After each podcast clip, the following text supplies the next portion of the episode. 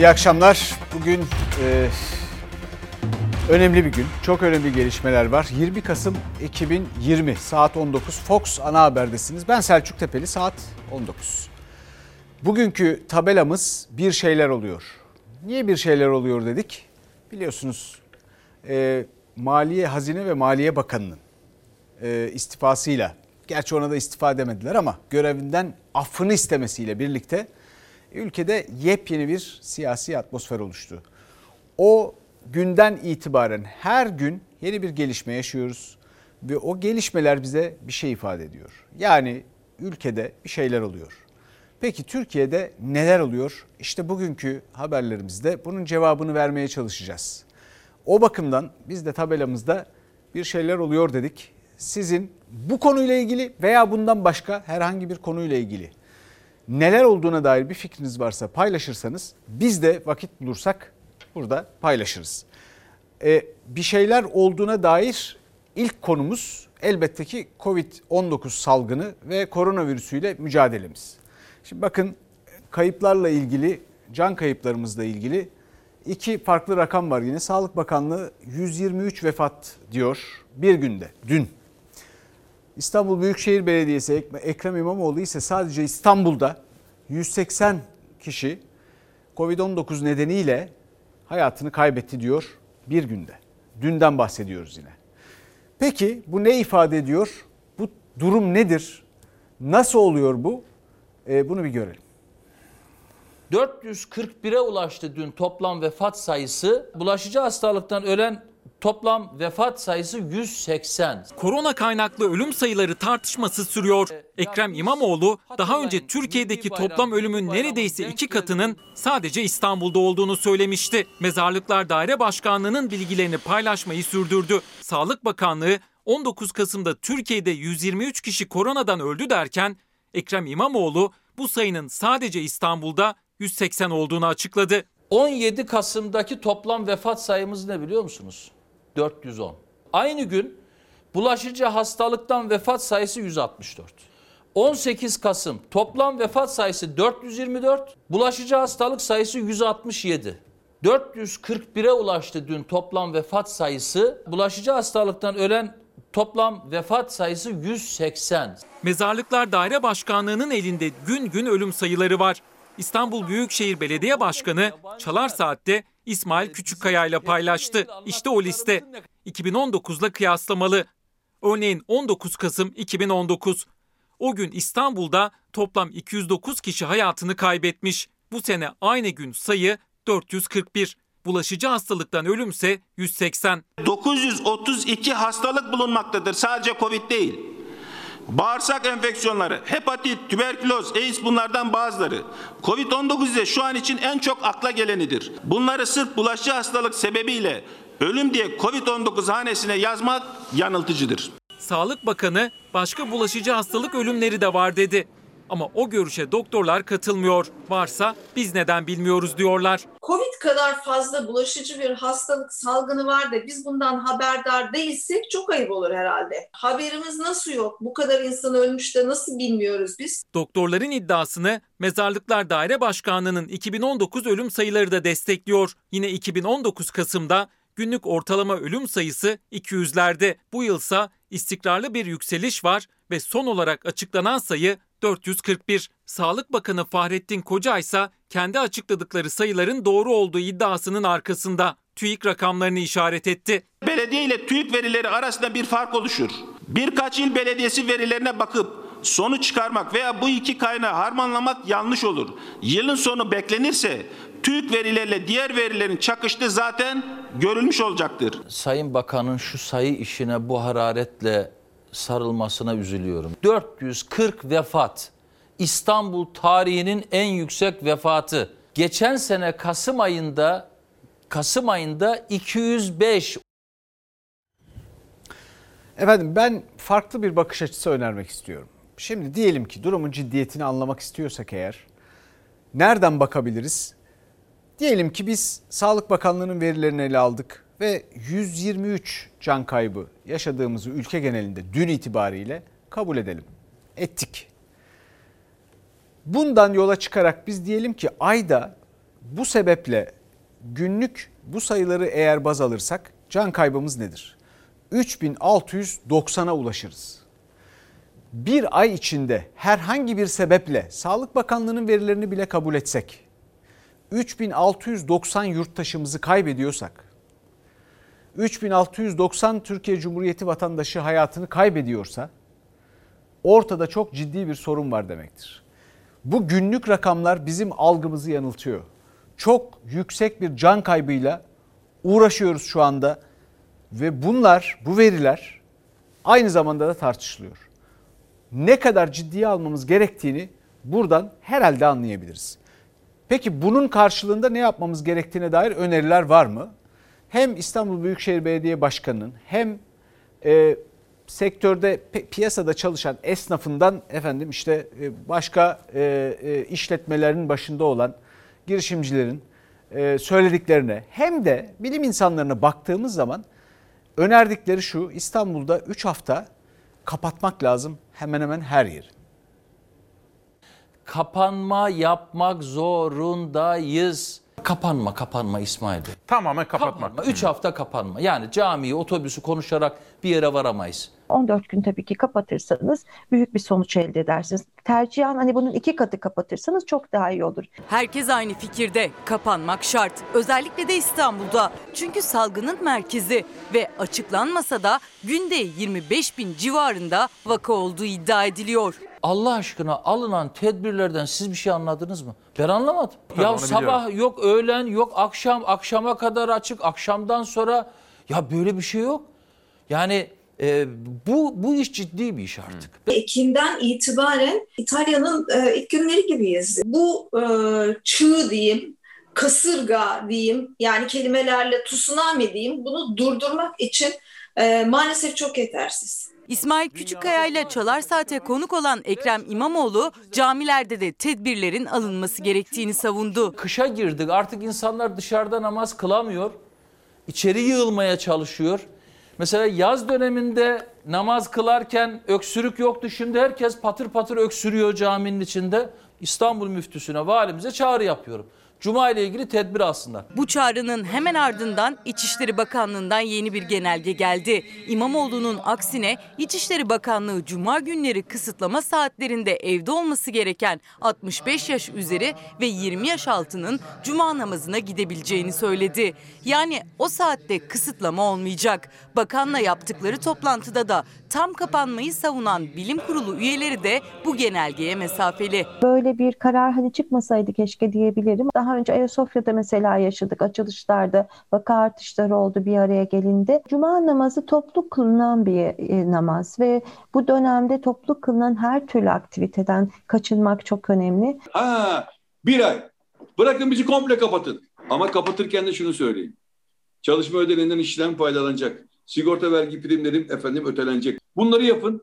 Saygılıyız. Tünelin ucunun gözükmediği bir ortada biz böyle e, okyanusun ortasında e, parçalanmış bir sandalın parçasına tutulmuş bir insanın çaresizliği içerisindeyiz şu an. Toplu kapanmanın önündeki en büyük engel ekonomik kaygılar. Çalışmak zorunda kalan işçiler, kısıtlamayla işletmelerine kilit vurmak zorunda kalan esnaf da isyanda. Onlar da kapanma istiyor ama devletten de destek beklentisiyle. disk olarak da söylüyoruz. Diyoruz ki acil ve zorunlu işler dışında işler durdurulmalı. İnsanların kayıpları devlet tarafından sosyal devlet anlayışıyla karşılanmalı. İşçi şimdi fabrikadan ayrılırsa, üretim du- durursa o insanların kayıplarını karşılamak zorundasınız. Ee, bunu başka devletler yapıyorsa e, siz de yapmak durumundasınız. Efendim Avrupa'daki duruma bir bakalım. Şimdi Avrupa'da, dünyada durum orada da vahim. Pek çok tedbir alınıyor elbette ama 17 saniyede bir kişi ölüyormuş.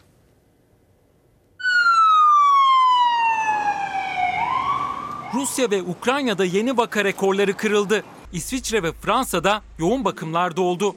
Dünya Sağlık Örgütü her 17 saniyede bir kişinin öldüğü Avrupa'yı çok zorlu bir 6 ayın beklediğini açıkladı.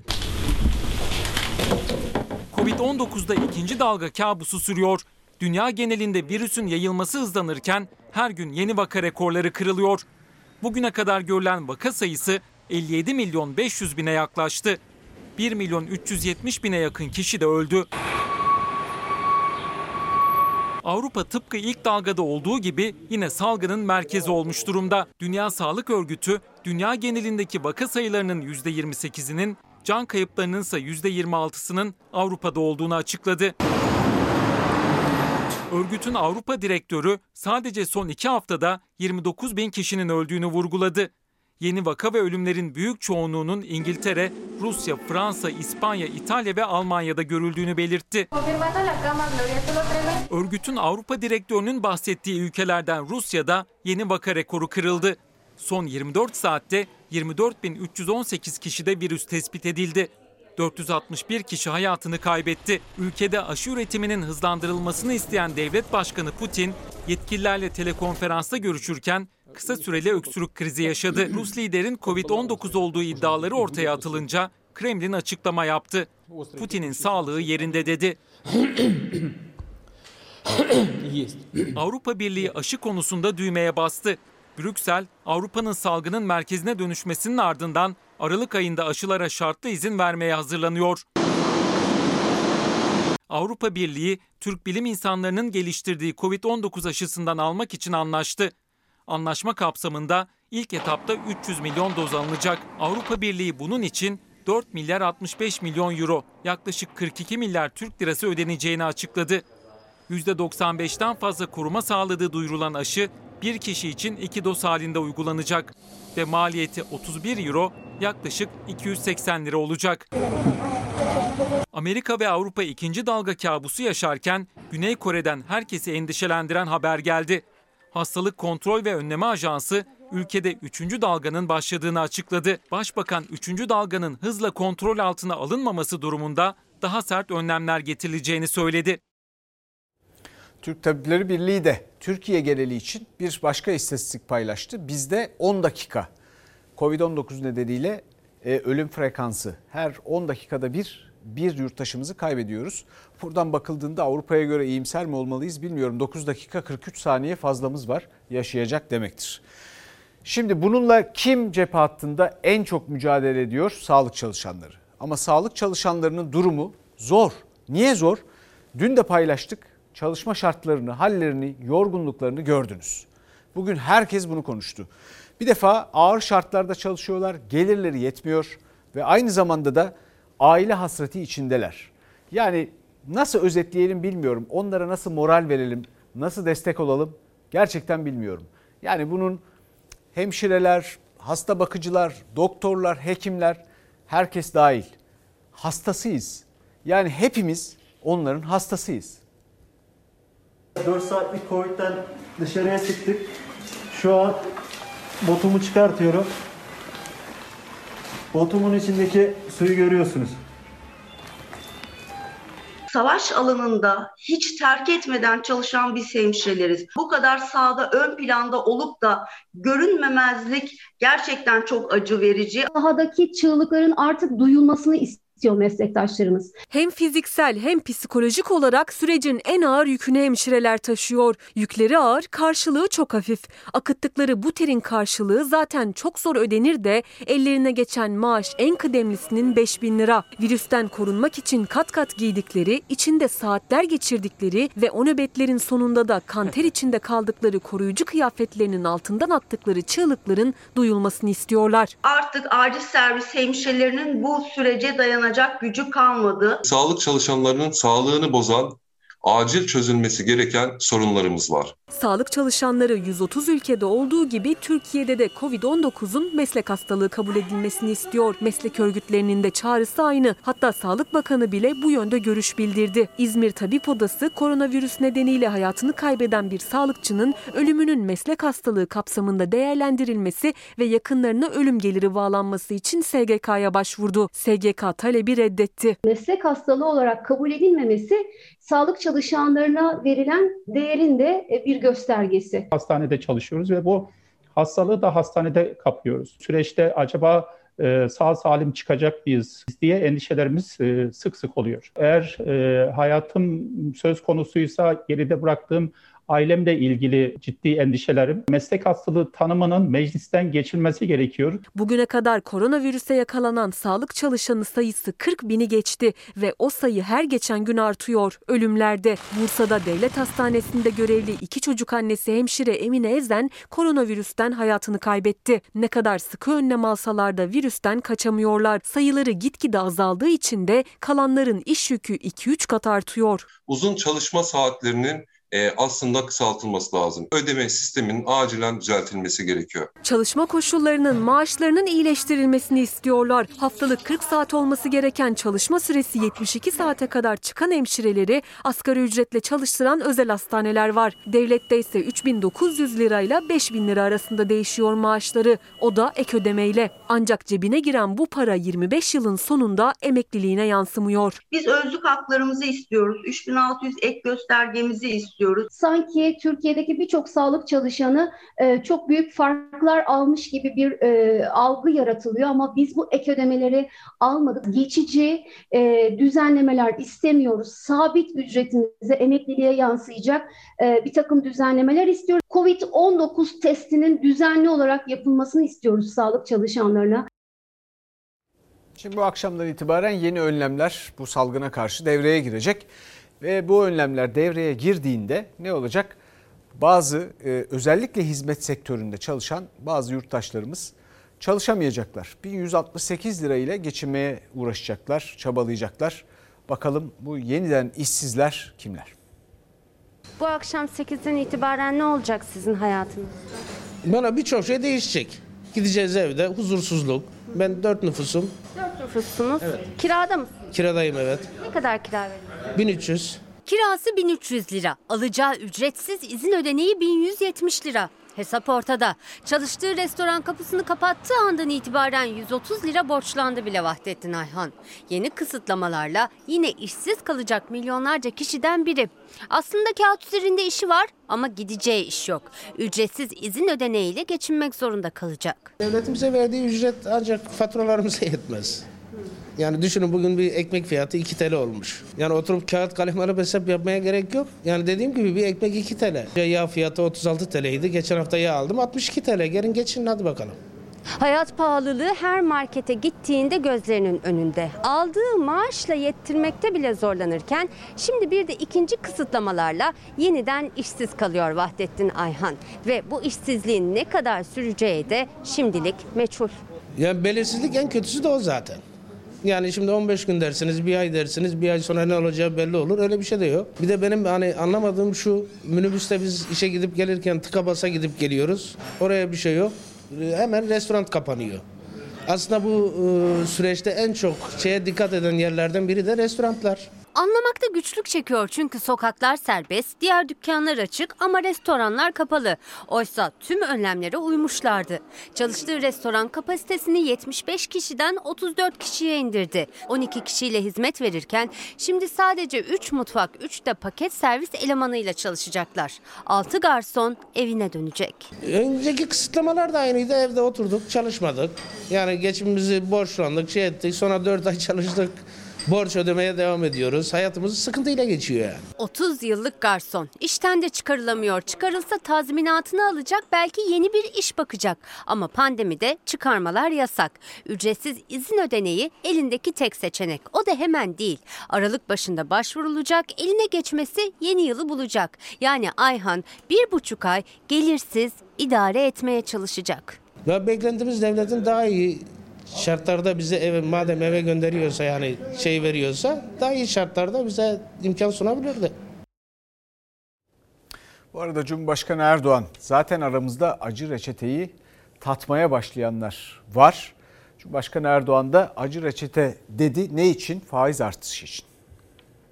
Şu aşamada bazı acı ilaçları içmemiz gerektiğinin de farkındayız. Dün yapılan faiz artırımı kararını bu çerçevede değerlendiriyorum. Erdoğan ekonomide acı reçeteyi bir kez telaffuz etmiş bir daha hiç konuşmamıştı geçen bir hafta boyunca. O reçetede ne olacak merakla beklenirken yine Erdoğan açıkladı. Merkez Bankası'nın faiz artırım kararı acı reçetenin ilk maddesi oldu. Türkiye'yi faiz, enflasyon, kur sarmalından çıkarmamız şarttır.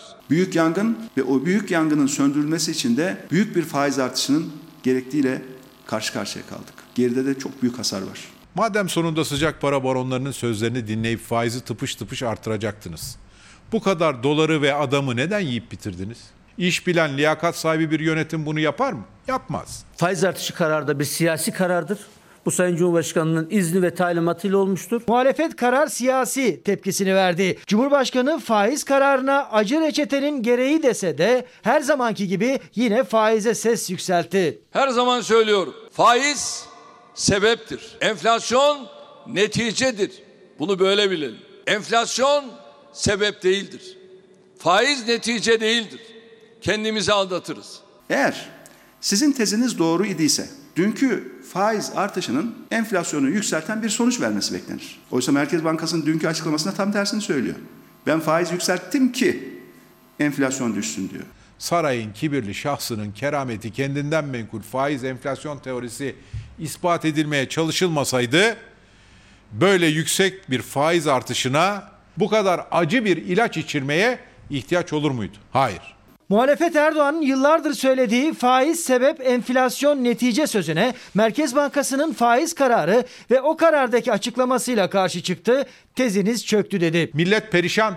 Geçim sıkıntısı o partili bu partili dinlemiyor. Kendileri hiçbir şeyden tasarruf etmeyecek. Debdebe içinde yaşamaya devam edecek ama millet acı ilaç içecek. Çok açık söylüyorum. Mazlumun ahı indirir şahı. Faiz enflasyondan sonra Erdoğan'ın ekonomi için ikinci vurgusu yurt dışında parası olanlara ve yastık altı birikimlereydi. Her şeyden önce yurt dışındaki tasarruflarımızı mutlaka ülkemize getirmeliyiz. Varlık barışı ile ilgili adımı attık. Yurt dışı, yurt içindeki yastık altı neyimiz varsa herhangi bir sorguya tabi olmadan kayıt altına almamız yeni bir ufuk sağlayacaktır. Derdimiz şu. Paran mı var? Yatırım. Paran mı var? İhracat. E, dünyada eksi faiz varken Merkez Bankası %15 faiz uygulayınca şu haftalık, gecelik şöyle bir gireyim çıkayım, keseme doldurayım, tekrar ülkeyi terk edeyim der sermaye.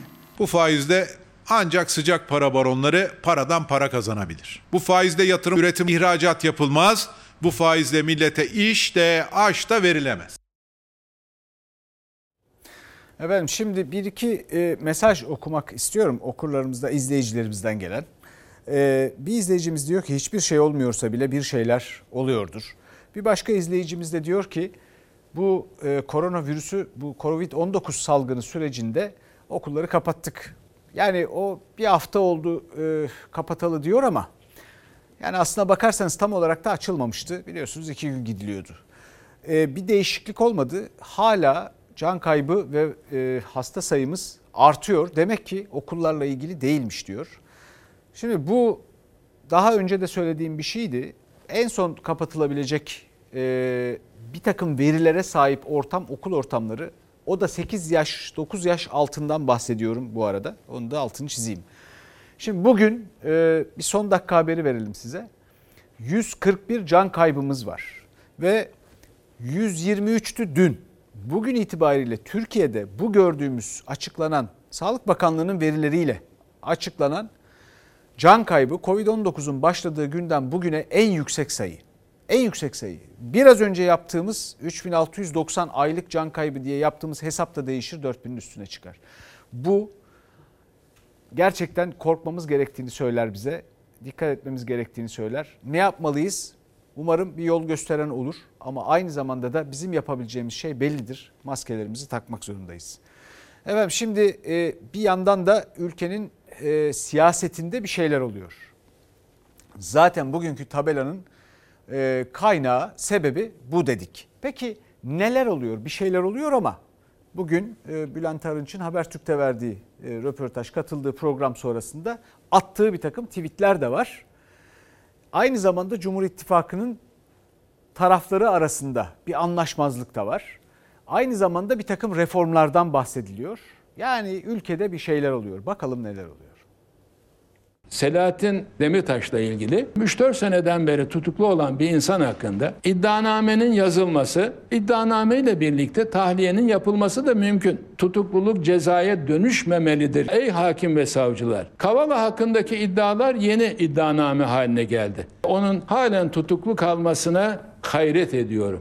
Tahliye edilmesi lazım. Cezaevindeki iki ismi verdi. Bülent Arınç'ın 4 yıldır cezaevinde olan HDP eski eş başkanı Selahattin Demirtaş'la 3,5 yıldır tutuklu iş insanı Osman Kavala için tedbiren tahliye edilsinler sözleri tam da yargı reformu tartışmalarının üzerine bomba gibi düştü. Tayyip Bey de biz de adalet tarafındayız. Tayyip Bey'i kendim gibi biliyorum ki o adalet istiyor. Bunu siyasi irade olarak da açıkladı. Adil yargılama istiyorum. Sayın Cumhurbaşkanımız adil yargılama istiyor. Adalet Bakanımız adil yargılama istiyor. Artık adaleti yüksek sesle istiyoruz. Biz reformlara hiç ara vermedik. Şimdi de yeni reformlar, yeni atılımlar için hazırlıklar yapıyoruz. Erdoğan Arınç'ın Demirtaş ve Kavala çıkışına hiç değinmedi. Yargı reformundaki kararlılığın altını çizdi. Bülent Arınç ise Demirtaş'ın da içinde bulunduğu son Kobani soruşturması üzerinden bir kez daha tutuksuz yargılama istedi. Henüz elinizde net, kesin bir delil yoksa ve 4 seneyi bulmuşsa siyasetçiyi tahliye edin, ceza alırsa gel bakalım deyin. Kaçarsa kaçırtmayın. Çünkü siyasetçilerin bir kısmı siyasi sebeplerle yargılanıyor olabilir. Kavala 2017'den beri 3,5 yıldan beri tutuklu. Ceza hukukunda kimsenin kalbini yarıp bakamazsınız. Zanla, şüpheyle, kıyas yoluyla delil uyduramazsınız. Bülent Arınç'ın Habertürk televizyonunda yaptığı açıklamaların yargı reformu üzerine kurduğu her cümlesi dikkat çekti. Hakim ve savcılara uyarıları da. Ergenekon davaları da böyleydi. Ama şimdi o Ergenekon'da karar veren hakim ve savcıların nerede, hangi durumda olduklarına bakın lütfen. Anayasaya yazıyorsunuz. Anayasa Mahkemesi kararları bağlayıcı. Bunun ötesinde daha ne yazacaksınız da ilk derece mahkemeleri bunu kabul edecek ya da etmeyecek. Türkiye'de hukuk reformu yapalım ama ondan evvel insan reformuna ihtiyaç var. Bir ahlak anlayışına ihtiyaç var. Bülent Arınç gibi bir başka eski meclis başkanı ve şu anda Cumhurbaşkanlığı Yüksek İstişare Kurulu üyesi olan Cemil Çiçek de uygulamaya dikkat çekti. Adalet Bakanı da çamur at izi kalsın anlayışı adalet değildir dedi. FETÖ'nün cübbeli hainleri çıkışıyla geçmişten bugüne geldi. FETÖ'nün cübbeli hainlerinin uydurma suçlarla kamuoyunu da manipüle ettiği davalar vardı. Hakim görünümlü militanların ayaklar altına alma girişiminde bulunduğu hukuku adil yargılanma hakkıyla en üstü tutma kararlılığındayız. 10 sene sonra pardon denecekse bu adalet mi Allah aşkına? Geç gelen adalet adalet mi Allah aşkına? Ne adalet arayışımızdan vazgeçeriz ne de iddialarımızdan. Cumhurun gücü aydınlık yarınlarımızın teminatıdır. Suni tartışma ve gündemlerle vakit kaybedecek lüksümüz yoktur. Yargı reformu sözleri söylemden eyleme nasıl geçecek? Arınç'ın açıklamaları Demirtaş ve Kavala için nasıl sonuç doğuracak? Kulisler hareketlendi, gözler Aralık ayına çevrildi. Efendim şimdi buradaki kitapları hafta başından beri merak eden pek çok izleyicimiz var. Ee, yani özel olarak bugüne saklamış değilim ama o gün koymamın bir sebebi vardı. Çünkü bu gündemin buraya geleceğini düşünmüştüm. Dolayısıyla bunlardan faydalanarak bir şey anlatmaya çalışacaktım. Ve nitekim o gündem buralara geldi. Şimdi bugün bütün bu gördüğünüz ve birazdan görmeye devam edeceğiniz haberlerde bir şeyler oluyor. Ne olduğuna dair siz elbette kendi kanaatinizi geliştirebilirsiniz. Biz bir takım alternatif bakış açıları ortaya koyabiliriz. Kararı siz verirsiniz. Benim bakış açım şudur. Ülkede ekonomik ve siyasi ve hukukla ilgili sıkıntılar var. Bunlar şu kişi ya da bu kişiyle ilgili ki örneklerde pek çok isimden bahsediliyor. Bir yandan pek çok kişi bir takım isimlerden bahsediyor. Onlar açısından da sıkıntılar olabilir başka bir şey. Ama bu ülkede hepimiz açısından hukukla, yargıyla, ekonomiyle, siyasetle ilgili, demokrasiyle ilgili eksikler ve sıkıntılar var. Ve ben burada hepimiz değilse hiçbirimiz bakış açısını doğrusu daha çok kendime yakın buluyorum ve daha samimi buluyorum. Fakat siyaset öyle bir şey değil. Siyaset ihtiyaç duyduğu zaman reformdan bahsetmeye başlıyor ve doğrusunu isterseniz ben hukuk reformu filan diye, diye konuşulurken ne olduğuna dair bir doğrusu fikir geliştiremiyorum kendi kendime. Çünkü dünyada gördüğüm bildiğim bir şey değil pek. Hukuk reformu ne demek, ne manaya gelir, içinde ne vardır? Bunu hepimiz için zaten en iyi nokta neyse oraya getirmek zorundayız. Çünkü bu ülke, Türk milleti bunu hak ediyor. Peki senin anladığın ne derseniz ben size söyleyeyim.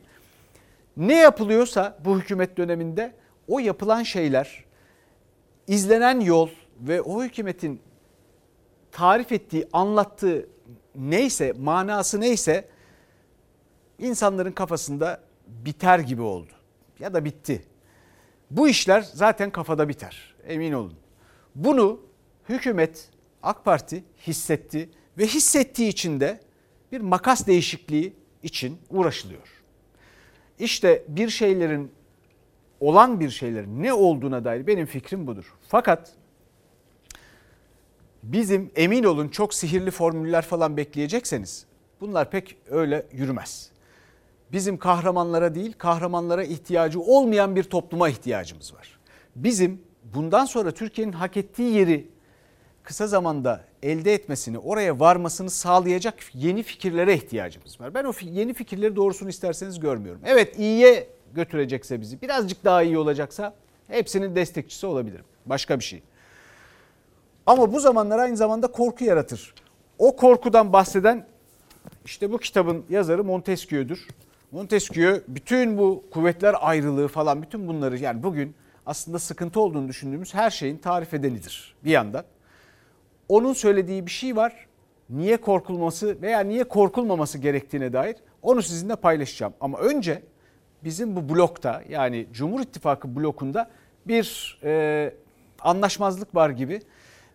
Arınç'ın açıklamalarına yani Beştepe'den e, Arınç açılımı yapıldıktan sonra MHP'den bir tepki var onu görelim.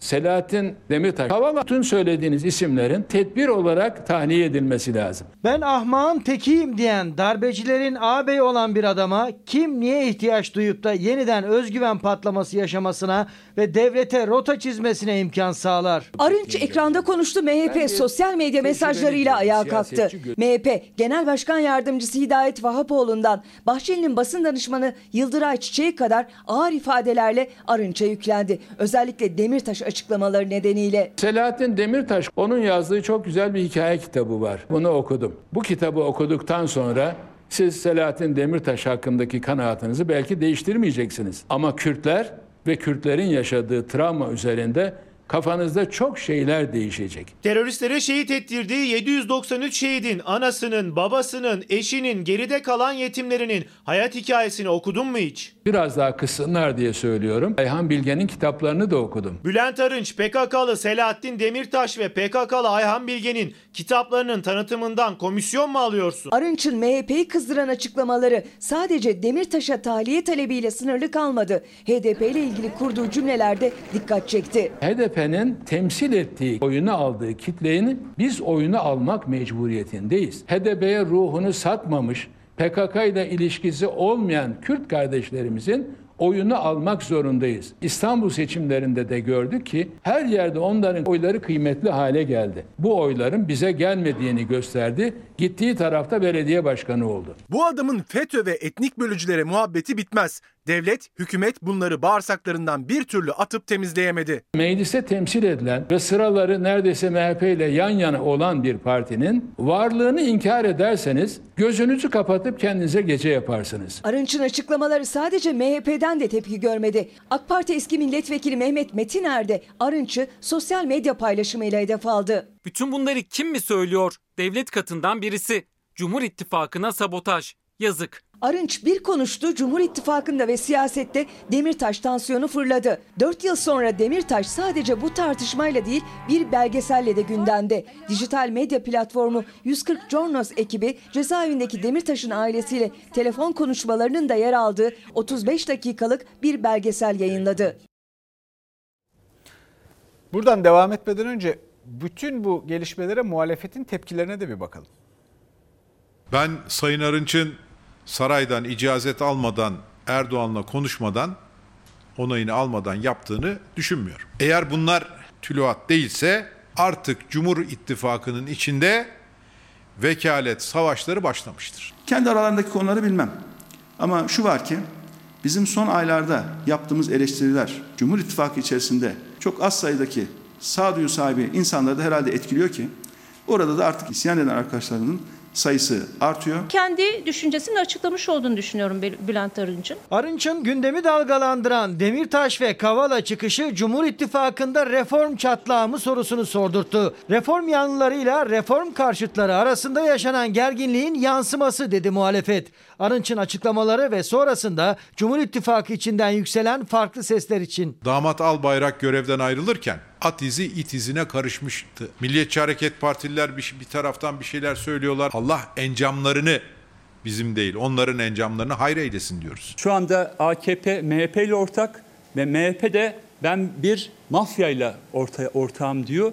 Bu anlayışın bir an önce devre dışı bırakılması lazım. Bülent Arınç, Selahattin Demirtaş ve Osman Kavala'ya sahip çıkıp da hala Yüksek İstişare Kurulu üyeliğine devam ediyorsa Cumhur İttifakı'na bu söylem zarar vermiyor mu? Bu şahıs Cumhur İttifakı'nın ortağı MHP'den nefret ederken buna nasıl tahammül ediliyor? Arınç'ın Demirtaş ve Kavala tahliye edilmeli çıkışı üzerine hukuk ve yargı reformu birkaç isim ya da sembolik dosya üzerinden algı yönetimi yaparak olmaz uyarıları da dikkat çekti. Bu hukuk reformu yapacağız deyip böyle göstermelik birkaç tane tahliye yapıp Aa, Türkiye reform yapıyor gibisinden bir e, algı. Bu arkadaşlar salınır veya salınmaz. Hukuk reformu dediğimiz şey e, bunun çok daha ötesinde bir şeydir. Kişilerden bağımsız bir olay. Tutuklu yargılanmanın istisna hale getireceği bir anlayışı, bir uygulamaya biz artık Türkiye'de görmek istiyoruz. Arınç'ın açıklamaları Cumhur İttifakı'nda kırılma mı, yargı reformu adına kuvvetli bir mesaj mı sorusunun yanıtı için gözler iktidar cephesindeyken yargıda iki kritik adreste Arınç'ın hakim ve savcılara uyarısına tepki gösterdi. Makamı, görevi ve sıfatı her ne olursa olsun hakim ve savcılarımızı FETÖ mensubu ihraç edilmiş hakim ve savcılarla mukayese ile tehdit edenler cevabı büyük Türk milletinden alacaklardır. Yargıtay üyesi Kenan İpek PKK'nın katlettiği masumlar listesiyle Arınç'ı hedef alırken HSK Başkan Vekili Mehmet Yılmaz da hakim ve savcılara inancım güvenim tamdır paylaşımı yaptı. Arınç'ın sözleri yargıyı da ayağa kaldırdı. Şimdi peki böyle zamanlarda niye tedirgin olur insanlar? Çünkü böyle zamanlarda Montesquieu diyor ki 20 senede yazmaya çalışmış iki cümlesinden bahsedeceğim. Biraz sabrınızı rica ediyorum. Efendim böyle dönemlerde insanlar en büyük kötülükleri yaparken dahi yani kötülüklerin hakim olmaya başladığı dolayısıyla insanların da bundan şikayetçi olduğu dönemlerden bahsediyoruz.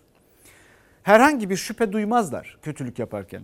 Oysa bir aydınlık gördüklerinde ya, ya da aydınlık günlerde insan en büyük iyilikleri yaparken bile tedirgin olup korkabilir. Neden? Kaybedeceğinden endişe eder. Neden? Çünkü eski suistimalleri hatırlar. Bu normaldir. Peki ne yapmak lazım? İşte Odil Kornü e, bu kitabın yazarı İsviçreli bir e, genç hanımefendidir yazan. O da diyor ki bu tür dönemlerde rölantiniz bir motor gibi düşünün, bir aracın motoru gibi düşünün kuvvetli olacak. Rölantiniz kuvvetliyse ki Türkiye'de hepimizin oluşturduğu, bütün Türkiye'nin oluşturduğu ortak zekanın çok kuvvetli olduğu kanaatindeyim. Bu tür süreçleri daima onun yönettiği kanaatindeyim.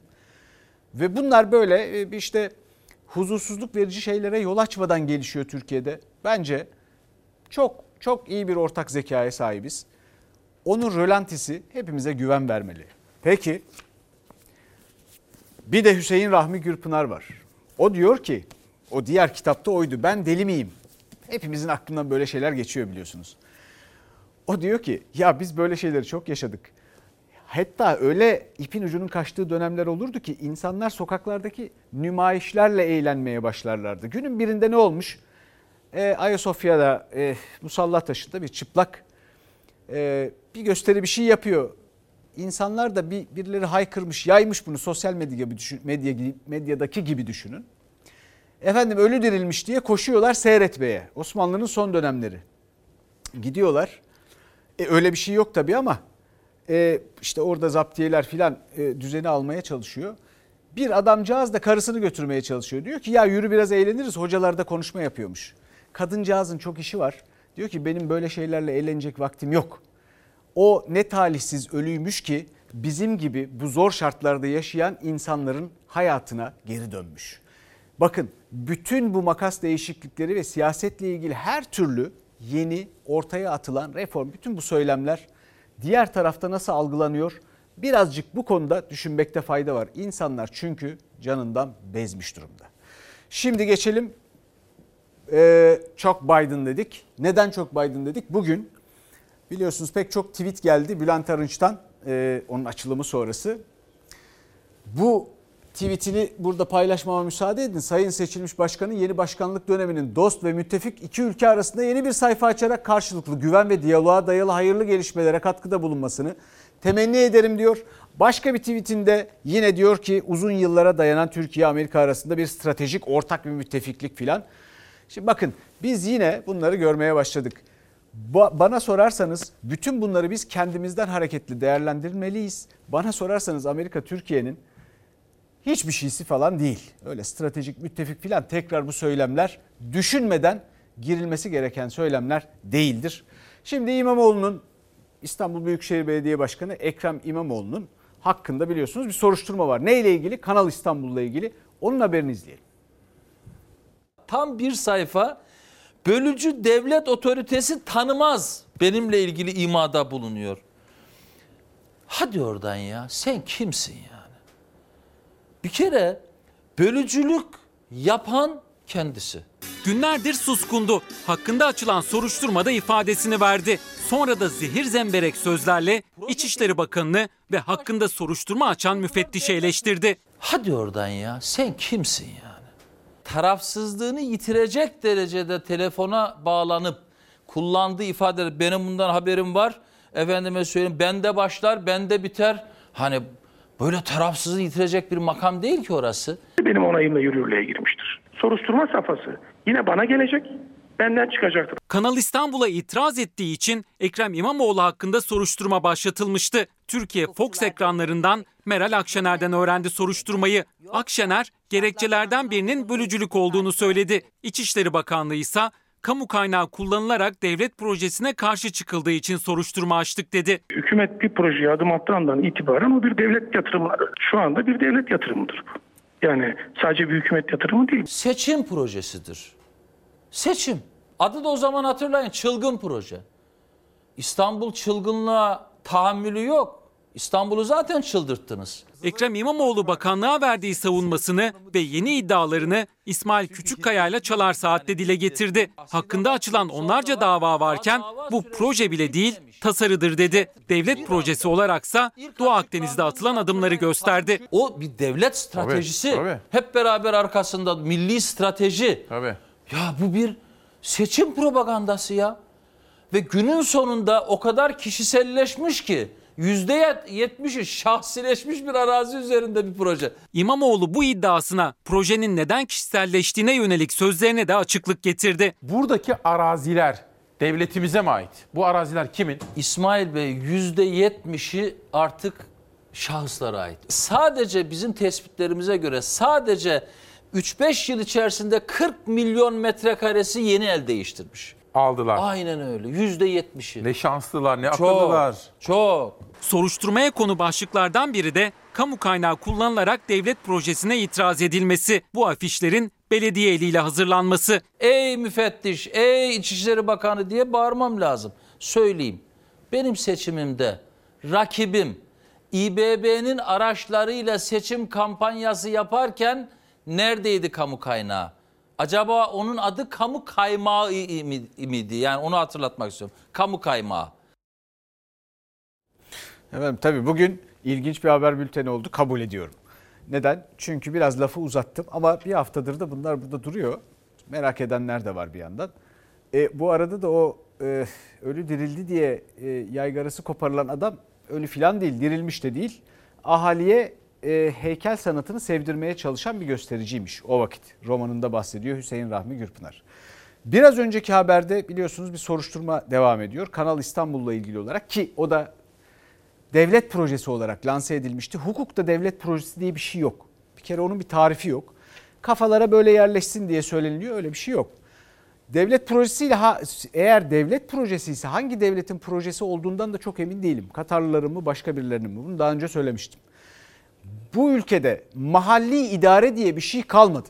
Bir defa onu bir kenara yazmalıyız. Eğer gerçekten bir reform yapılacaksa mahalli idarelerin bütün yetkileri en küçüğünden başlayarak önce büyük şehirlere oradan da sonra merkezi hükümete aktarıldı.